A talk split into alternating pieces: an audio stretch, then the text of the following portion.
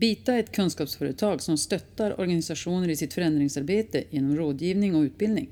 Den här podden är till för att inspirera till lärande och bidra till större kompetens inom områden som leder till en större möjlighet att förstå och hantera digitaliseringen. Det här är första avsnittet i Bitas serie om informationssäkerhet med Erik Dahl, managementkonsult och moderator, Barbara Carreño, VD och Mats Oxlin, managementkonsult.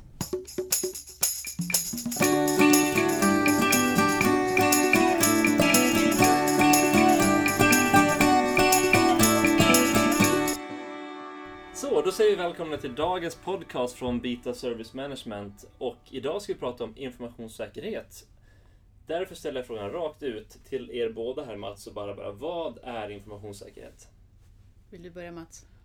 Jag kan försöka. Eh, om du frågar mig om informationssäkerhet så skulle jag vilja säga att eh, om jag som organisation har eh, full kontroll på mina informationstillgångar utifrån perspektivet att jag vet var de befinner sig, att jag vet vem som har tillgång till dem och jag vet också att de är korrekta.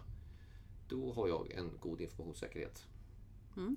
Och då kan jag komplettera med, med den enskilda individen eh, och ta ett exempel från, från vardagen. Eh, till exempel när du använder dig av lösenord för att logga in på dina sociala medier. När du använder dig av lösenord för att eh, komma in i din telefon. Då skyddar du informationen i din telefon eller sociala medier genom det här lösenordet. Och det är en form utav informationssäkerhet. Skulle jag säga. Korrekt. Innebär det att det är fel av mig att enbart ha en fyrsiffrig kod i min telefon? Du själv måste bestämma vilken nivå på din informationssäkerhet du vill ha. Ja, och hur mycket du Men, värderar ja, informationen ja, i telefonen. Exakt. Och till vilken, liksom, till vilken risk du är, vilken risk du vill ta. Helt Tycker enkelt. inte du att dina personliga uppgifter är värd mer än en fyrsiffrig kod så eh, har du lagt det på rätt nivå helt enkelt. Jag tror att jag får gå hem och tänka om. Mm. Men om vi pratar informationssäkerhet då. Vad är egentligen vad? Man hör ord som IT-säkerhet och cybersäkerhet och informationssäkerhet. Hur hänger det här ihop egentligen? Det är ju ett, ett, träd kan man ju säga, där man skulle kunna beskriva det som så att informationssäkerhet har, är högst upp i hierarkin. Och eh, under sig, på de två underliggande nivåerna, så har du eh, den administrativa säkerheten å ena sidan och sen så har du den tekniska säkerheten å andra sidan. Eh, och den administrativa säkerheten han, har att göra med alla rutiner, eh, arbetssätt, policyer, styrande dokument och så vidare som finns i en organisation för att kunna se till att du har rätt manuella kontroller att skydda din information på. Eh, du kan väl flika ja. in vad den tekniska säkerheten Det kan jag göra. Man får lägga till lite administrativt beteende kanske också är en aspekt ur den administrativa mm. delen. Alltså hur Absolut. man uppträder och efterlevnad och sådana saker du säger. Ja. Tekniskt sett kan man väl för, egentligen i sin tur dela upp på fysisk säkerhet och vi kallar mer för teknisk IT-säkerhet. Och det fysiska det hörs väl ganska mycket vad det är. Det är vilka personer kliver in och ut i våra lokaler till exempel. Eh, var någonstans, det finns ju fortfarande traditionell analog information i form av papper och annat som man förvarar. Hur, hur ser tillgången ut på det?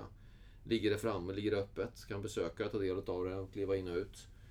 Eh, till säkerhet i datahallar förstås och känsliga system och sådana saker. Och sen har vi den IT-tekniska säkerheten då. Hur, hur är kommunikationslösningar uppsatta? Hur, liksom, hur lagrar jag min data? Har jag backuper? Har jag säkrare dubbla system och så vidare? Så att, eh, det är väl egentligen ja, beskrivna tekniksidan. Mm. Och lite åtkomstsäkerhet i system, applikationssäkerhet och så vidare. Det är riktigt. Mycket riktlinjer och, och, regler här. Vad finns det egentligen på, på området? Vilka lagar måste jag känna till? Det beror på vad du sysslar med.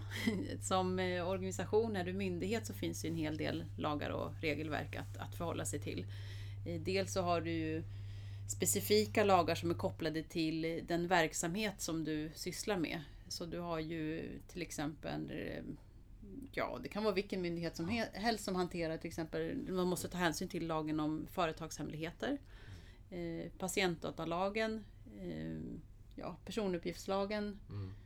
Eh, ja, det finns en... Det finns lagar runt kameraövervakning till exempel också. Mm. Den delen, man sysslar med den typen av frågor, vad som gäller runt omkring det. Mm. Om hur du ska hantera information som ska arkiveras. Eh, mm. Ja, det kan vara lagar som är kopplade till eh, ja, inom socialtjänsten. Eh, kommuner som interagerar med, ja, med personer inom socialtjänsten och äldreomsorg, och äldreomsorgen till exempel. Eh, och där det finns lagar som är kopplade till eh, individer som har ja, skyddad identitet. Den, de individerna måste hanteras på ett eh, specifikt sätt. Då, för att man inte ska bryta mot lagen och då behöver systemen skydda informationen kopplat till de här individerna också. Mm. Så det beror egentligen på vem jag är och vilken organisation jag tillhör. Finns det någonting av de här som slår över alla personer? Ja, absolut. Både offentlig sektor och privat sektor. Det är det omtalade GDPR, GDPR då, eh, mm. som Erik är expert på eh, faktiskt och som du faktiskt vet också vad, vad det står för, eller hur? General Data Protection Regulation. Ja. Uh, det stämmer. Okej, okay. uh, och sen när det gäller um, till exempel kreditkortsinformation och sånt där som är väldigt känslig data kan vi tycka. Mm. Så finns det också regelverk på, där kanske man har kommit ännu längre. Vilket är skönt så, som medborgare som flitigt använder kreditkort och slänger upp det på nätet och, och mm. köper det mesta online nu för tiden. Det gör ju var och varannan, till och med min eh, mormor höll jag på att säga. Min mormor vet jag inte, det tror jag inte hon gör. Men, men däremot så, så är det väldigt vanligt att man handlar med kreditkort på, på internet vartefter mm. vi blivit mer och mer digitaliserade. Det är ju inte, det är inte konstigt att handla med, med kreditkort på, på nätet längre. Det har blivit ganska vanligt och man, man vänjer sig vid det. Där är uppfattningen som jag tycker ändras de senaste åren egentligen. Mm. Att från att vara lite rädd för det så kanske det är helt okej okay nu för alla. Mm. mm. Största parten i alla fall. Ja, jag tycker precis som du. Går man tillbaka ett antal år i tiden så har beteendet förändrats enormt mycket. Nu har ju tekniken blivit bättre och säkerheten blivit bättre på både sajter och annat och kommunikationsmässigt och det är ju tur. Med tanke på Ja, det har blivit så vanligt i ekonomin så det funkar nästan inte om vi inte skulle kunna använda oss av internethandel och betalningar. Mm, precis. Men finns det någon som uh, håller koll på att vi faktiskt följer de här reglerna? Finns det någon som ser efter oss? Eller är vi ute på, MSB, på ja, MSB har ju en föreskrift då, som gäller för myndigheter. Och det är och MSB står för? Eh, Myndigheten för samhällsskydd och beredskap. Eh, och där den föreskriften gäller egentligen att alla myndigheter måste ha ett ledningssystem för informationssäkerhet. Så föreskriften står ju MSB för och sen så gör ju Riksrevisionen revisionerna kopplat till huruvida myndigheter efterlever det här. Då. Så att man gör kontroller på att myndigheter har ett LIS, ett ledningssystem för informationssäkerhet och hur väl man, man arbetar med det. Eh, så Riksrevisionen mm. är ju en instans. Sen har vi Datainspektionen också. Mm. Och dess uppgift är mer att se till att övervaka liksom hur vi hanterar informationen. Och att vi följer de föreskrifter som gäller när det gäller, när det gäller hantering av information helt enkelt. Och de kontrollerar alla typer av organisationer och inte myndigheter bara? Eller?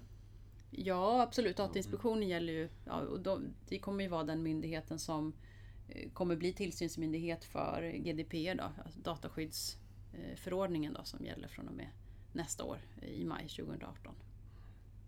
Så lite grann, vem berörs av vilken lag här då? Det är, det är helt beroende på vilken bransch också då? Mm. Säkert? Ja, det är sagt inte helt sektor? beroende. Det finns ju en del som har sagt generella då. GDPR och annat som gäller generellt. Men i mycket stor utsträckning är det som du säger att mycket stor utsträckning styrs det av vad är det för bransch jag jobbar inom. Vilken typ av information hanterar jag och eh, hur känsliga är de uppgifter som jag har att hantera i min verksamhet. Så är det. För jag skulle nog säga att om man tittar på det, MSBs föreskrift, MSBs föreskrift om att myndigheter ska ha ett ledningssystem för informationssäkerhet. Det är ju till för att man i sin tur ska efterleva alla andra lagar inom respektive verksamhetsområde. Eh, så det är ju på något sätt ett, eh, ett, en föreskrift som ramar in allting som ser till att man, man har god kontroll på, på sin information och att man skyddar ja, eh, kunder, medborgares personliga integritet. Eh, ja, och att man inte slarvar egentligen med hantering, rutiner, eh, skalskydd och så vidare kopplat till information. Och det är jag som medborgare väldigt tacksam för. Mm. Uh, nu är det så att vi, vi håller den här frågan om varför vi ska jobba med informationssäkerhet. Den sparar vi till nästa vecka och så säger vi tack och hej för idag och vi ses nästa vecka. Tack. Tack. tack. Och hej. Hej. hej.